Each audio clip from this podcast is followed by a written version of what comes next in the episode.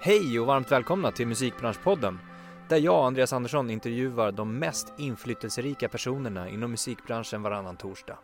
Det här är vårt sätt att sprida kunskap och förståelse för den ständigt svängande och aktuella musikbranschen.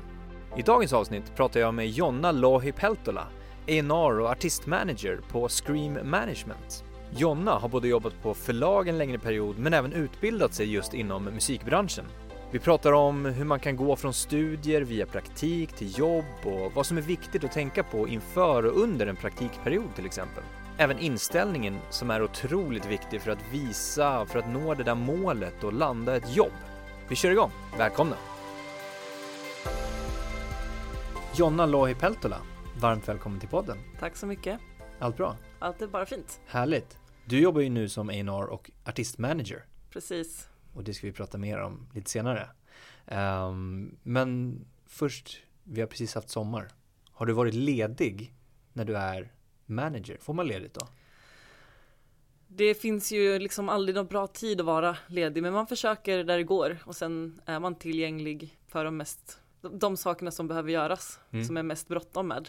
Eh, nu är det ju oftast så på sommaren att artisterna turnerar och då har de en tour manager och det mesta är ju uppsatt redan innan. Och vi är ju två som jobbar så vi försöker gå lite omlott. Så det har gått bra, jag var två veckor borta. Härligt. Ja. Kan du koppla av då? Det, ja, efter en stund. Mm. Det tar några dagar innan man kommer in i det. Mm. Men är ni två då som jobbar på varje artist eller överlag på Scream? överlag på Scream. Eller vi Ja. är tre, vi har också en eh, social media redaktör som hjälper med content, material, filmar, foton som också, ja, för våra artister då. Ja. Härligt. Ehm, jag tänkte om du ska få beskriva dig själv. Jag vet inte, jag är nog ganska glad. Eh, rak skulle jag nog definitivt säga att jag är. Det är väldigt sällan jag presenterar mig själv med mina, hur jag är som person. Ja. Men man märker nog ganska snabbt hur jag är som person. ja. Om man istället går in på eh, dina egenskaper som manager, Mm, den professionella sidan av Jonna liksom. mm. Ehm, hur skulle du säga där, dina bästa egenskaper som manager? Eh, jag tror att det är just lyhördheten och fortfarande att jag är rak. För jag tycker det är viktigt att man har transparens om saker och ting. Mm. Eh, det blir lättast så för att förstå allt. För Mm. att artisterna ska förstå varför de ska göra eller bör göra vissa saker. Och ta till sig mycket av vad de vill göra. Det är ju det som är grunden i mitt arbete. Mm. Att se till att de får eh, ha sin vision och idé och sen att jag hjälper till att förädla den och hittar möjligheter som passar just det de vill göra. Mm. Härligt. Har du några andra här bra egenskaper som du känner att Nej, men det här bidrar jag väldigt bra med?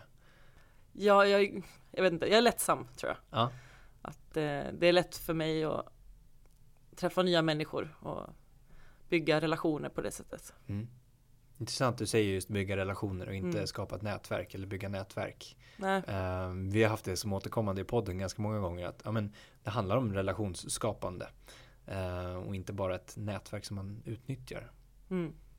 Men skulle du säga att du var, så att du var ganska liksom rak och direkt? Är du det i mailkonversationer också med till exempel samarbetspartners som du eh, ja, men jobb, som du har en relation med tillsammans med artisten till exempel? Mm. Eh, ja, det försöker jag vara i den mån som eh, det går. Ja, Eh, det beror ju på helt vad det gäller, vil- vilken ton man ska ha och sådär. Man, bara för att man är rak behöver inte betyda att man är otrevlig. nej, Mm, utan att man ja, vill ha någon slags tydlighet. Det är så lätt att människor missförstår varandra i skrift och så vidare. Så då det, det blir bara enklast att säga det man vill säga. Hur skulle du beskriva din roll som A&R och din roll som manager idag? Eftersom vi pratar om att du har egentligen båda. Mm.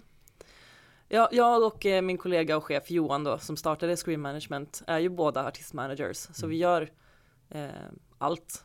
Men han har anställt mig just för, ja med min bakgrund som A&R att jag får mycket hålla i det kreativa musikmässigt när det kommer till tankar om eh, vilka producenter som artisterna bör jobba med och eh, allt det där. Mm. Feedback på låtar och bolla inriktning om vilken typ av musik man ska göra härnäst och Mm. alla de sakerna. Mm.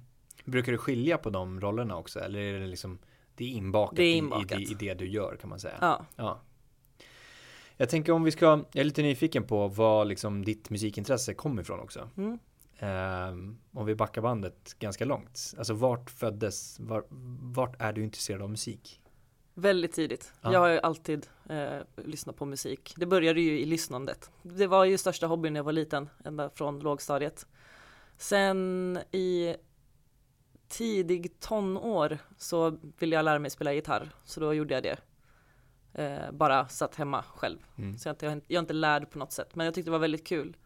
Och sen, ja, tills vi, sen spela musik och hålla på med allt det där. Mm. Tyckte jag var väldigt kul. Mm. Eh, Vad lyssnade du på i början då? det var ju allt från Spice Girls och boybands till eh, hiphop till, det var väldigt brett redan då. Men mycket pop. Craig David lyssnade jag också på, men det var lite senare. Dels, och sen mycket, jag tittade mycket på, det var ZTV och MTV och Ja. varje dag efter skolan kollade på musikvideos. Och spela in också på VHS gjorde jag så jag kunde titta senare. Mm. Och spela hade du gjort också? Mm. Band eller? Ja, i band, Ja. i olika konstellationer. Och vad blev det för inriktning där då? Mitt första gig var ju, eh, då det är det enda bandet med där vi bara var tjejer. Mm. Som, då spelade jag gitarr och då spelade vi covers på typ Green Day, Ebba Grön och en låt som jag själv hade skrivit. Och det giget blev jag sen värvad till eh, ett väldigt speciellt band eh, där vi spelade industriell got med influenser från 30-talets Berlin. Det var jätte, vi var jättesvåra. Oj, men det var också jätteroligt. Det var väldigt olika typer av genrer. Som jag, sjukt spännande. Ja, vi fick öppna för Brandsta City Släckers en gång. Det var ju jättedålig kombo, men det var kul. Publiken var nog inte kompatibel till den musiken vi spelade. Nej, jag förstår det. Mm. Det är ungefär som jag själv som också spelade eh, hårdrock eh, när jag var yngre. Mm. Vi spelade på en invigning hos ABF på deras, en skolgård som de hade. Mm. Eh, sittande publik och ehm, yngsta var väl 63 år kanske. Ehm, det matchade inte jättebra. Nej, det låter lite samma. Ja. Och sen bandet det var nog det som jag tyckte var roligast, för då spelade vi musik som jag faktiskt lyssnade på Mm. eh, också. Då spelade vi någon slags emo, metalcore. Eh, Okej, hur, hur länge höll du på med det här då? nej, men under nästan hela min, ja men från nian i skolan till trean i gymnasiet. Mm. Och sen så började jag, och ett år efter det också, för sen började jag plugga och då rann musicerandet ut i sanden. Ja. Och då började du studera eh, Linnéuniversitetet, Precis, utbildningen Music and Event Management. yes. Och vi kom ju fram till att det var då, då började du 2009, Nio måste det ha varit. precis, och gick ut 2012. Mm. Ja. Hur, vad liksom, vad var det som lockade då? Jag ville göra någonting, jag ville jobba med musik helt enkelt Mm. och kunna liksom leva på det på något sätt. Men jag ville inte heller stå på scen och fortsätta med den saken. Utan jag tyckte det var så kul att menar, vet, boka spelningar och tänka kring allt annat runt omkring. Jag hjälpte lite kompisars band också på den tiden för att Mm. ja, av någon anledning så tyckte de väl att jag kunde hjälpa dem med något då. Ehm, och då hittade jag den här utbildningen när jag googlade på, på ja, vad man kan göra. Mm. Man visste att det fanns en musikbransch. Jag är uppvuxen i Falkenberg så det fanns ju ingen omedelbar koppling till skivbolag och, och sådär. Så att då tänkte jag att det kanske var en bra väg in och få lite mer kunskap om vad det finns för olika roller i musikbranschen. Mm. Var det det som liksom var förväntningarna? Att du skulle under de här tre åren kanske reda ut lite grann, okej vad är min roll, vad kan jag bidra med? Precis. Och samtidigt tyckte jag det var viktigt att få en eh, examen. Mm. Vad hade du för förväntningar på branschen, om man inte säger studien utan branschen, vad hade du för förväntningar? Hur såg den ut eh, liksom i din föreställning? Mm, det, är, det har jag ganska svårt att minnas så här i efterhand för att jag vet inte om jag hade så mycket föreställningar för det kändes så långt borta på något sätt. Mm. Eh, Jag visste att det fanns skivbolag och management och allt det där men jag hade liksom ingen aning om vad hur, det ska, hur den ser ut och hur vardagliga arbetet egentligen ser ut. Nej, precis, eller vilka roller eller liknande som Ja, jag förstod ju arrangörer och men, det, vilka förlag hade jag ju ingen aning om vad det var för någonting till exempel. Det det- är ofta så. Alltså det är ofta det sista man tar reda på eller får reda på vad det egentligen är för någonting. Mm, det är nog för att det är lite svårare att pinpointa för gemene man kanske att Mm. vad det är man gör. Eller inte ens för gemene man, det finns ju folk i branschen som också kan ha svårt att riktigt förstå vad förlag gör. Mm. Nu vet jag det för jag har jobbat där. Ja. Så det var ju jättepassande. Det var därför jag ville göra praktik för det första på Mm. förlag för att verkligen få kunskap om hur allting hänger ihop. Mm. Och breddar den lite grann sådär. Mm, exakt. Mm. De delarna som lockade nu ändå, på den utbildningen? Har, har de besannat som man säger så? Eller liksom har de har det blivit så som du trodde? Mm, ja, det, det tycker jag. Uh, ja, det var vid någon, något tillfälle som när jag jobbade på BMG att jag kände att det här var helt rätt mm. för mig. Att det blev så som att det var meningen att det skulle bli så. Mm. Och vad, alltså jag tänker under utbildningen också, fick du reda på vad, vad ett förlag till exempel gör då? Så att du visste att du ville söka dig dit? Mm, ja, vi läste ju om det, men ja. det var inte förrän jag var där som jag riktigt förstod hur allt hängde ihop. Det var ju synkar och stim och regga låtar. Det var, det var ju något sätt hur man liksom band ihop de olika punkterna om mm. förlags, eh, som sker eh, inom förlagsverksamheten som blev tydliga när jag var på mm. plats mm. och såg arbetet och hur allting hängde ihop där. Just det. Men, um, för jag tänker så här, många har ju innan man egentligen lär sig om branschen eller tar sig in och jobbar på något sätt så har man ju säkert lite myter om att ja, men så här ser det nog ut eller så här ter sig nog eh, den här rollen eller liknande. Hade mm. du några sådana myter? Jag tror inte det. Och om jag har haft det så har jag glömt bort det. det är... Medvetet eller omedvetet? Ja, det ja. vet man inte. Nej. Men och, eh, och, och, om vi ändå kommer in på liksom myter och kring management då. Mm. Så finns det ju lite sådana. Vad skulle du säga är liksom den vanligaste myten kring ja, men en manager gör det här eller är så här? Jag har tänkt att managers ofta är hårda. Mm. Vilket jag eh, förstår på något sätt att många tar den, tar den rollen för att man måste eh, representera och få så bra avtal eller förhållanden som möjligt för sina klienter. Mm. Eh, och det har jag ju märkt också när jag har jobbat mot eller med management att många är väldigt hårdhudade. Vissa är det inte, men det är ju en typisk bild som jag har haft i alla fall av management. Mm. En annan jag har är ju den här stora skinnfåtöljen med en eh, stor amerikansk eh, medelålders man i cowboyhatt. Ja. Eh, och sitter och räknar pengasedlar ifrån en liksom, kassa. Precis. Eller hur? Det är väl också ganska... det är ju en typisk bild. Jag har dock aldrig sett den. Nej. Eh. Om vi går tillbaka till det här med eh, utbildningen och praktiken. Mm. Eh, hur, kan du berätta lite hur du tänkte när du sökte praktiken också? Mm. Ja men som jag sa då att jag ville ju lära mig om det som jag visste minst om. Mm. Ehm, och på något sätt fått ändå A&R rollen fått tydlighet i, i det och det tyckte jag lät jättespännande. Så då sökte jag till, eller först googlade jag på de förlagen som fanns och eh, så sökte jag några stycken, men jag kommer inte ihåg vilka mer jag sökte förutom BMG. Men i alla fall så svarade då A&R som var A&R på BMG då. Mm. Eh, ringde upp och så fick jag praktikplatsen. Och så sa hon att eh, hon gärna, hon jobbar helst med killar för att hon själv är ganska rak. Mm. Eh, och då, jag, jag kommer inte riktigt ihåg hur jag reagerade på det, men jag sa att det är inga problem. Alltså, mm. för att det är väl bara bra. I mejlet, det är inga problem, utropstecken. Nej, det var mer That's samtal. Okay. och sen kom jag upp till Stockholm, eh, jag bodde i Kalmar då. Mm. Och träffade Di, som hon heter. Och sen började jag jobba där helt enkelt, eller praktisera. Mm. Lite tidigare än när praktiken började. Vilket okay. jag tyckte bara var kul. Ja. Hade du något konkret mål när du gick in där första dagen? Att säga, men nu, jag vill lära mig det här, det här, det här, det här. Mm, jag ville nog bara lära mig så mycket som möjligt. Och det mm. var ganska mycket att ha reda på. Så att jag tror inte jag hade något konkret mål förutom att bara vara mot, eller bara ta in så mycket som möjligt. Mm. Eh, så lära mig så mycket som möjligt och för det var en dåvarande praktikant också som lärde upp mig, som Jaha, liksom gjorde okay. en liten överlämning. Ja. Mitt huvudsakliga mål var ju att jag ville få jobb. Ja, det var ju huvudmålet egentligen. Ja. ja. Men tror du att den huvudsakliga målsättningen på något sätt syndes eller kändes i det arbetet som du la ner och det engagemanget som du kanske visade under praktikperioden som resulterade att du fick jobb då? Jag tror det. det det resulterade ju i att jag fick jobb eller att de anställda, vi fick, BMG fick en ny chef när ungefär en månad innan min praktik skulle vara slut. Mm. Så då kommer jag ihåg att de åkte på konferens och det var då personalen mer eller mindre sa att de ville ha kvar mig. Mm.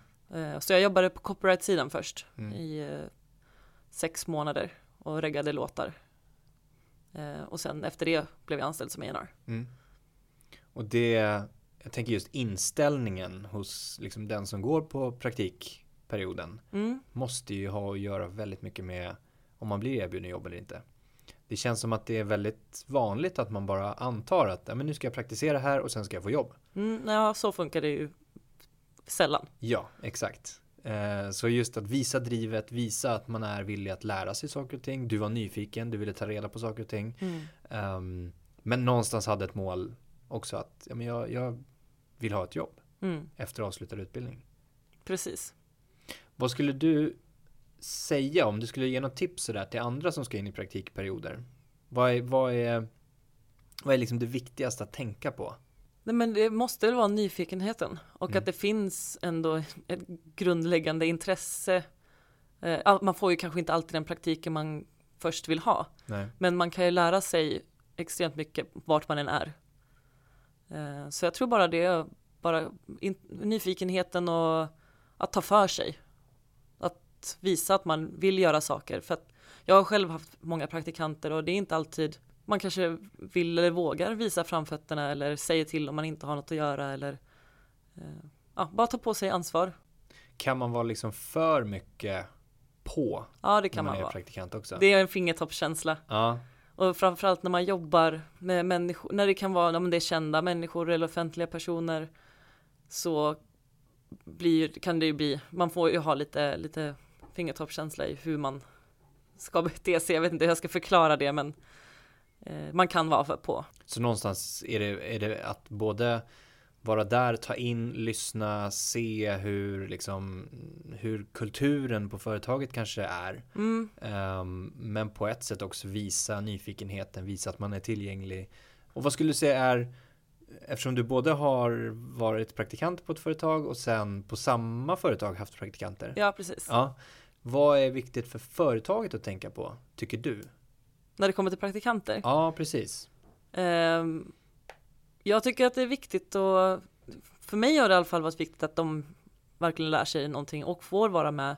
Jag ska förklara, det är en fördel för branschen att det kommer in folk för att det är många som kommer från utbildningarna och som har gjort praktikerna som om man inte blir anställd på det bolag man praktiserar på så kommer man kanske bli anställd någon annanstans men att man verkligen tar den tiden som det går och som man själv har tid med att ändå lära de som praktiserar eh, någonting. Att de Mm. får vara med i möten och så vidare.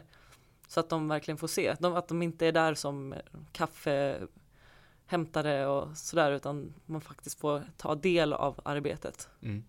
För det är ju en, en period under en utbildning där man ska lära sig. Exakt. Och det vet ju, det, jag har ju själv varit praktikant så att det kanske därför jag har försökt tänka extra mycket på det att man får göra giv, saker som är givande och som utvecklar även praktikanterna. Exakt. Samtidigt som det är en hjälp för företaget. Men jag kommer ihåg när vi skulle gå på praktik så sa de lärarna eller utbildningsledarna att vi skulle se till att vi verkligen får göra saker och inte bara bli den som hämtar kaffe och går ut med soporna och sånt där. Exakt, ja, men ställa lite krav. Exakt. Men det har ju också, jag tycker ju vi som utbildare ehm, har ju ett ansvar i det också, ställa krav på företagen i fråga. Verkligen. Och det är inte jättelätt kanske som en student och praktikant att komma in och ställa krav för att man är oftast ganska glad över att få vara där. Mm, exakt. Ja, men då är det jätteviktigt att man känner sig trygg hos utbildaren i fråga. Mm, Som, som kan liksom stötta upp en och ställa krav utifrån ett utbildningsperspektiv. precis.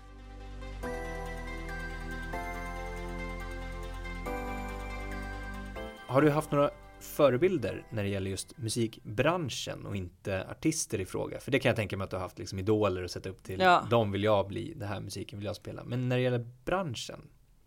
Nej, jag, eller jag är ganska dålig på förebilder generellt. Jag har tänkt på den frågan för, förut, Mm. men jag har, ser, jag har, det kanske är dåligt att inte ha det. Det är kanske dåligt att jag inte känner att jag ser upp till så mycket människor, eh, utan Ja, det, självklart finns det folk som jag respekterar otroligt mycket. Mm. Åsa Enström är en av dem som är jurist på BMG, som jag tycker hon är en fantastisk person, men också väldigt duktig på sitt yrke, musikförläggare och jurist. Eh, och sådana personligheter finns det ju såklart. Mm. Men eh, förebilder vet jag inte. Nej. Men tycker Men- du att det är viktigt med liksom andra förebilder? Ja, det, det tycker jag. Eh, och då tänker jag framförallt på yngre som vill välja karriär Mm. Och eh, ser att det finns, ja men nu tänker jag framförallt jämställdhetsfrågan, att det finns liksom kvinnliga ENRs eller andra roller som är i ledande och i de kreativa positionerna. Mm. Eh, vilket är mycket bättre idag, men att det liksom, att det syns utåt också. Mm. Så att det blir en alternativ karriär, och musikproducenter också för den delen. Att oavsett kön eller bakgrund ska du liksom kunna eh, överväga den här karriären. Mm. Och veta att den finns. Ja, men jag håller med och just att det jag tycker att det är jätteviktigt med förebilder att det finns Mm. det där och att man egentligen hittar någon också kanske. Men samtidigt inte ruta in sig för mycket på att jag ska bli som den här personen. Eller jag vill nå dit och sen Mm. staka ut vägen ut efter vad den här personen har åstadkommit. Utan att då blir det ju för mycket jobba mot någonting som man kanske inte själv egentligen vill. Mm. Eh, man kanske har något helt annat mål men att det blir för mycket att efterlikna någon så att det blir jobbigt så att säga. Ja, Eh, vilket kan resultera i att ja, men det går helt käpprätt och att man tröttnar och blir less på det man gör. så kan det vara. Eh, men så har jag inte tänkt. Jag har dragit inspiration mest från, ja men personligt, från min mormor till exempel som Mm. är väldigt eh, gör bara Mm. och liksom kört sitt race Ja. Tänk, har, oavsett tänkt, begränsningar. ja, har du tänkt aktivt på sådana delar i, din, i dina roller liksom, i din karriär? På, på vilket sätt menar du då? Nej men alltså att, att du har det någonstans i bakhuvudet att ja, men jag kör bara på den här grejen att, att det triggar igång dig och ja, jag gör, ja, absolut. Oftast har jag märkt, är det bäst att bara, att bara göra mm, istället för att tänka för mycket på någonting Mm. eller på en sak eller börja ställa upp i den här podcasten. Det är, det är väl, det är bara att göra tycker jag. mm, Eh, det utmanar en på ett sätt och sen så litar jag nog ganska mycket på min magkänsla när det kommer till arbetsuppgifter mm, och försöker att grubbla så lite som möjligt för Mm. att jag tror inte att det resulterar i någonting. nej, Visst att man ska tänka strategiskt och så vidare. Men jag känner att mycket av strategin sitter redan i magkänslan. Man vet att ett beslut är rätt eller fel. mm. Så tänker jag. Ja, Det blev lite flummigt. nej absolut inte. Jag håller med och vi, vi är inne på, vi, vi driver ju en yrkeshögskoleutbildning som heter Music Business Developer och jag håller föreläsningar där just nu om målsättning och karriärplanering. Och vi pratar jättemycket om det här med att våga göra saker och ting och att, att fundera på att är det ett misslyckande Alltså när man genomför någonting och sen så gick det inte som man riktigt tänkte. Var det ett misslyckande eller var det en lärdom? Mm. som jag kan se och dra väldigt, väldigt mycket lärdom av för nästa, nästa grej jag ska åstadkomma. Och att man sänker de här trösklarna, alltså våga trösklarna om vi kallar dem för det. Att ja, men nästa gång då var det inte lika svårt att faktiskt göra det bara. Nej, precis. Och ta sig över den och ta sig över den. Till slut så har du inga trösklar. Exakt. Och då kan du välja och vraka vart du vill någonstans. Det är lite så man måste tänka. Man kan inte i förväg planera allting 100% för att veta hur det kommer att bli. Nej. Utan det är ju i aktionerna och att vara i situationer som gör att man växer. Mm. Både som människa men också i karriären. Verkligen. Ja, spännande. Jag tänkte vi ska gå in och prata lite grann sen nu. Eh, att du tog dig från praktiken och fick jobb. Ja. Och då var det ju på BMG Exakt. som du jobbade.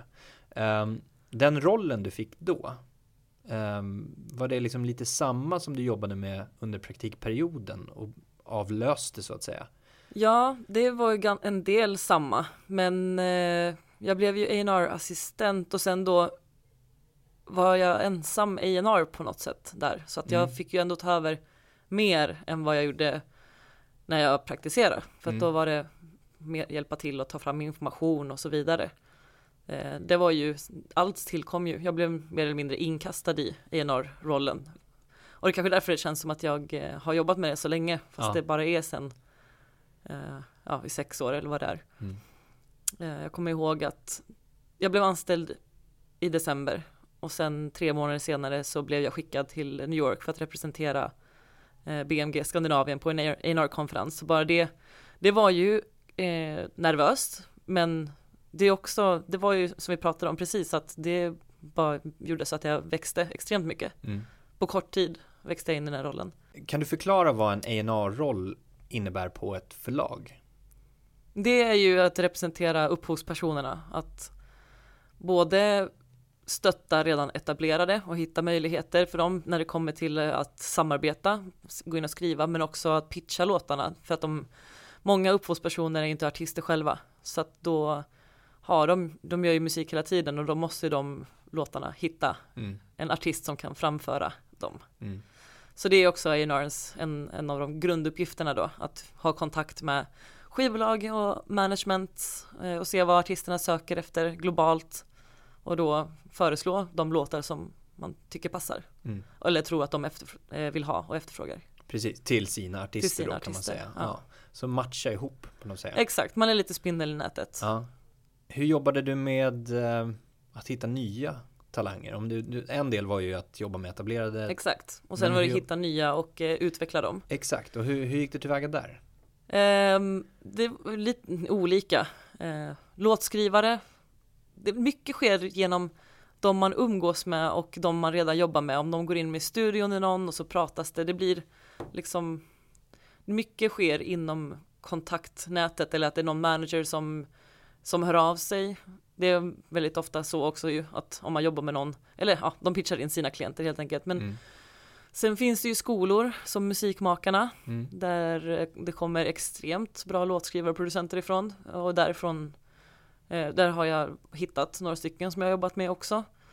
Eh, artister, det var vilka spelar, mycket Spotify är det idag till Mm. skillnad, det var kanske inte ens lika mycket när jag började.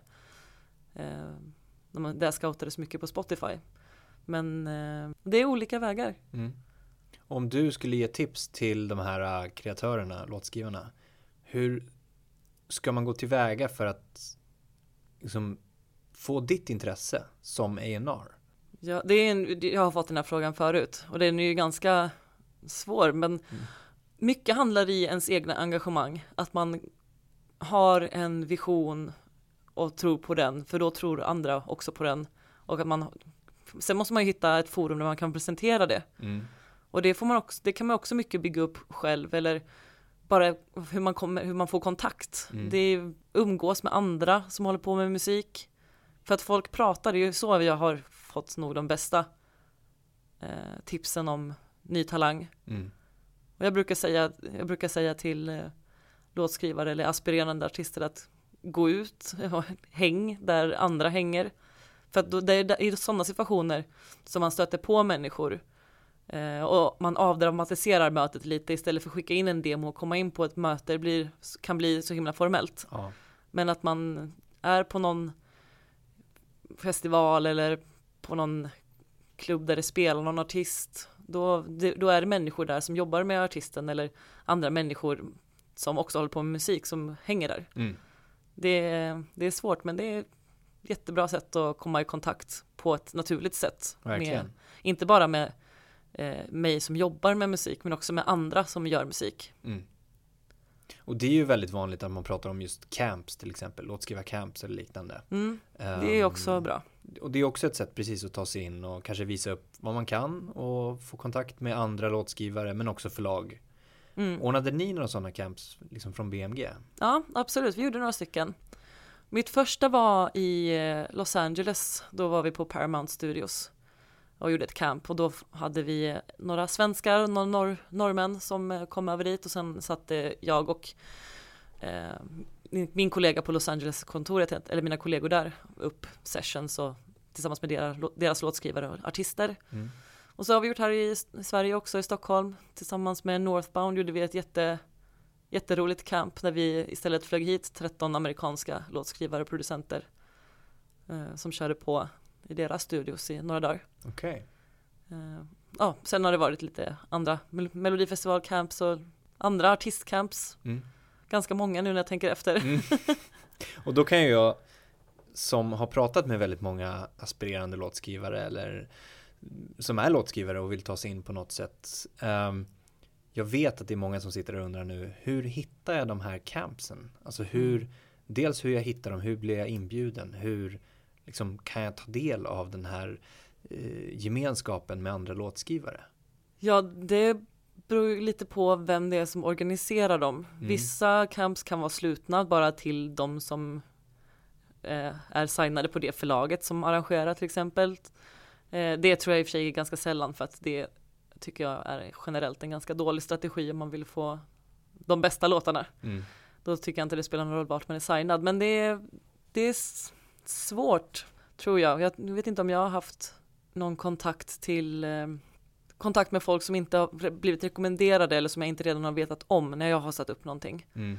Och sen även om jag, jag kan ha hört av mig till andra förlag eller managements. Eh, Det är en jättesvår fråga, Mm. men eh, man kan ju också arrangera ett eget camp. Jättebra idé. Skapa en Facebookgrupp, Exakt. dra ihop ett gäng låtskrivare, Mm. köra på. Ja. Och sen kan du också visa att du gör det campet utåt sett. Mm. Alltså att vara den driftiga personen kanske lockar lite grann också då. Absolut. Jag tycker ju att jag tycker ju mest om att jobba med just människor som är väldigt drivande själva. Mm. Eh, I och med att det är det är ju ett samarbete. Det är inte jag som A&R eller manager som ska eh, vara den huvudsakliga som driver ett projekt utan det måste ju komma från själva låtskrivaren eller artisten själv någon slags hunger efter någonting. Mm. Ja, det, det, det ska inte vara lätt. Och det är det som är grejen, alltså för alla låtskrivare där ute. Ja, nej det, inte, det ska det inte vara. Det ska inte vara serverat på en räkmacka, utan och, och det är ju som egentligen alla jobb. Ja, ingen ja, som ja, kommer ja. att servera dig ett jobb sådär. Och det är precis på samma sätt med en låtskrivare. Det är ingen som kommer att servera. Du, ursäkta, kan du skriva låtar? Kan du, kan inte du komma och skriva låtar åt mig? Nej men det är så, framförallt då i början av karriären. Man vill ju komma till en punkt där man faktiskt får det här samtalet. Mm. Men det krävs ju extremt hårt arbete. Mm. Och tålamod också, för att det mycket handlar om timing också. Mm. Bara för att man kanske inte har fått ett kontrakt eller fått ut någon låt och det kan ta år, Mm. betyder inte att man ska sluta eller att musiken inte är tillräckligt bra eller vad det kan vara. Det kan, allting handlar också om timing. Mm. Vad folk söker efter och tillfälligheter, vilka träffar man, i vilken, vilken, i vilken situation och vad fokuserar den personen på just, just då. Mm. Jag tänker lite så här att man dels så ska du ju fokusera på det kreativa, alltså Mm. som låtskrivare, talang. Eh, fokusera på det kreativa så att du gör det helt sinnessjukt bra. Och när du vet att du har någonting där också, ehm, prata om det Ja, med personer. Men, alltså du kan ju börja med kompisar. Du exakt. kan börja med familj. Du kan börja med folk du lär känna var som helst. Liksom Mm. på krogen, på en konsert, på en festival eller liknande. Precis. Och jag tänker också sådär, du behöver inte alltid en utbildning inom liksom hur du skriver låtar eller producerar. Det är ett steg, absolut. Men säg att du inte kommer in eller liknande. Se istället då, rada upp, eller eh, sätt upp två år framåt. Och så ska du under de här två åren, har du som mission att lära känna x antal människor kopplat till det här och det här. Du kanske ska ehm, skriva x antal låtar på det här och det här och se det som en egen utbildning. Mm. Och vara på de här, vi pratar om så här, att, att träffa människor, att vara på ställen. Och då kan man ju bara börja en sån sak att okej, jag kan själv ta reda på vad är det för ställen jag ska vara på. Mm. Om det är låtskrivarcamps, om det är festivaler, om det är ehm, spelningar, om det är att gå till en, den liksom, lokala fritidsgården och lära känna ljudtekniken för att ljudtekniken känner personen som driver musikhuset som också känner de här låtskrivarna som också har ett, ett eh, privat camp som du blir inbjuden till. Alltså det blir första, första, första. Precis. Det är ju superviktigt, man behöver ju absolut inte ha någon utbildning utan det är ju så, man kan, sen kan man inte sitta på kammaren heller för då kommer du inte bli upptäckt. Sen så finns det ju online också. Mm.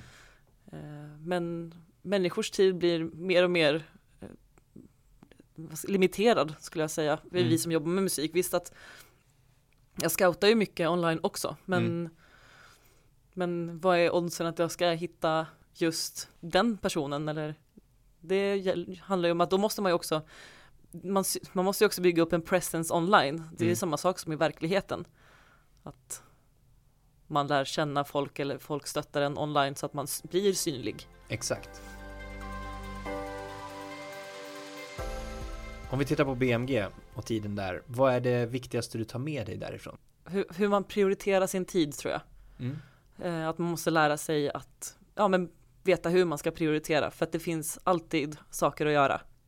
Men att man måste, man kan, att man tar sig, tar de uppgifterna som är viktigast för stunden. Eh, time management kanske. Mm, mm. Har du några exempel eller har du något konkret tips som du, liksom, du brukar göra? Uh, Nej, för, förutom to-do lists. Jag, jag, tog faktiskt en time management kurs en gång på en mm. konferens. Det var också hundra år sedan men uh, att försöka analysera vilka ens tidstjuvar är mm. och sen uh, ta bort dem. Att man kanske inte ska öppna ett nytt mail så fort det kommer utan man lägger upp en strategi om hur hur man, mailen är ju just ett återkommande problem för alla tror jag, eller mm. problem kanske inte man ska säga, men det kommer man få mycket mail. Mm. Eh, och då gäller det att, men ta de mailen som det tar en minut, två minuter att svara på, så man får iväg dem och inte spara på dem och sen har man några större bollar som man kan ta tag i. Mm. Sen är det individuellt, det, man får ju bygga upp ett sätt att arbeta som passar en själv. Mm. Du behöver ju rutiner för hur du arbetar med till exempel Precis. mailen. Men ta bort sådana här äh, distraktioner som sociala medier plings på, på, telefonen eller mail eller vad du gör om du, om du jobbar med något specifikt viktigt. Sätt av en tid, blockera den tiden ja. och det är bara till för den här. Mm. Det finns en jättebra bok som heter The One Thing som är kopplat lite till eh, time management där också. Mm. Um, otroligt bra. Ska vi gå vidare från BMG? Du var där fram till september förra året. Precis. Och vad hände då? Var det direkt att du började jobba på Scream? Nej, Johan tog kontakt med mig direkt mm. eh, när jag slutade jobba på BMG. Men sen eh, kände jag väl att det var en bra möjlighet för mig att vara lite, vara lite ledig så man landar lite. Det blir ju, det är ju intensivt eh, att jobba så, som, ja, så många år på ett och samma ställe och man är uppe i det. Mm. Så jag kände att nej, nu behöver jag ta ett steg tillbaka lite och se över mitt liv och om det fortfarande är det jag vill hålla på med. Ja, jättebra. Ehm, det var viktigt, men det kände jag att jag ville sen. Så att ja. jag och Johan kom överens om att jag börjar jobba på Scream i december. Ja. Okej, okay. härligt. Och sen dess så har du då jobbat som A&R och artistmanager. Exakt. På Scream. Och berätta lite, vad, vad, vad gör Scream? Ja, vi representerar artister och låtskrivare. Mm. Vi hjälper dem och rådgiver dem med allt som gäller deras karriärer. Mm. Där min roll är just den kreativa framförallt, även om jag gör mycket andra traditionellt management och sådär så är det fokus på, jag har huvudansvaret av låtval och tillsammans med artisterna då. Ja, okej. Okay. Mm. Och ni har ju faktiskt kontor både i Stockholm och Los Angeles. Ja, det finns en liten filial i Los Angeles ja. där det är en person som eh, också jobbar management ja. för Finns, vår del. Hur funkar det då rent liksom arbetsmässigt och kommunikationsmässigt, tidszonsmässigt, artistmässigt? Det funkar bra. Ja. Vi är väldigt, det är ju mycket arbete som sker just över Sverige och USA. Mm. Så att man är ju på någonstans van vid tidsskillnaden även om man, ja men det är ju mycket samtal på kvällar och man är ju tillgänglig på mejlen men det är inget jag har märkt av hittills att det skulle vara något, något jobbigt. Vi har inte kontakt varje dag utan vi kör, vi kör avstämningarna, avstämningar eh, då och då. Mm. Har ni, jobbar ni med många artister som, jobb, som är aktiva både i Sverige och USA? Ja, de är ju inte, alla är inte aktiva i alla länder samtidigt. Att man märker ju av trender i det landet man befinner sig i. Mm. Och det är svårt att veta hela tiden, vara uppdaterad vad som händer där borta. Mm. Visst att vi åker dit eh, då och då. Men det vet vi ju själv här, trender och vilka som är de hetaste producenterna just nu och vem som det är smart att jobba med rent strategiskt. Det ändras ju hela tiden. Mm. Så att det känns bra att ha någon på plats där borta som också kan komma med idéer. Vilka artister jobbar ni med? Amanda Fondell och Darin, eh, Eagle Eye Cherry, eh, Alex Mattsson som är en eh, eh finsk DJ. Och eh, sen har vi en producent som heter eh, Alexander Palmer som bor i LA och är amerikan. Och så Jakob Karlberg. Härligt. Mm. Och övergången då från BMG till Scream, alltså det var ju lite olika arbetsroller mm. Eh, kan man säga. Hur har det liksom, har du behövt utveckla någon kunskap inom saker och ting du inte kunde? Jag tror att det handlar mer om eh, själva kontaktnätet. Eh, för att nu har det tillkommit många uppgifter som att hitta sminkare till fotograferingar, fotografer. Livesidan har jag aldrig jobbat med på det sättet, visst att jag har bokat till någon klubb någon gång, men jag har inte jobbat med, aktivt med just agenter och sådär. Mm. Och det är ju bara roligt för att det blir lite som en förlängd A&R-roll på något sätt. Mm. Så det är väl det. Kommer till olika typer av förhandlingar. Mm. Eh, Jag har framförallt koll på förlagsavtal, inte så mycket andra avtal. Så det är kul eh, att få utvecklas eh, på de delarna också. Mm. Vad, enligt dig, vad utgör ett bra samarbete mellan en manager och en artist? Det är en förståelse om att man är ett team och just den här öppenheten, ärligheten, eh, transparensen som jag nämnde tidigare. Att man måste kunna prata högt i tak och känna att man litar på varandra helt enkelt. Mm. Måste klicka och ha förståelse och ha gemensam vision är ju A och O såklart.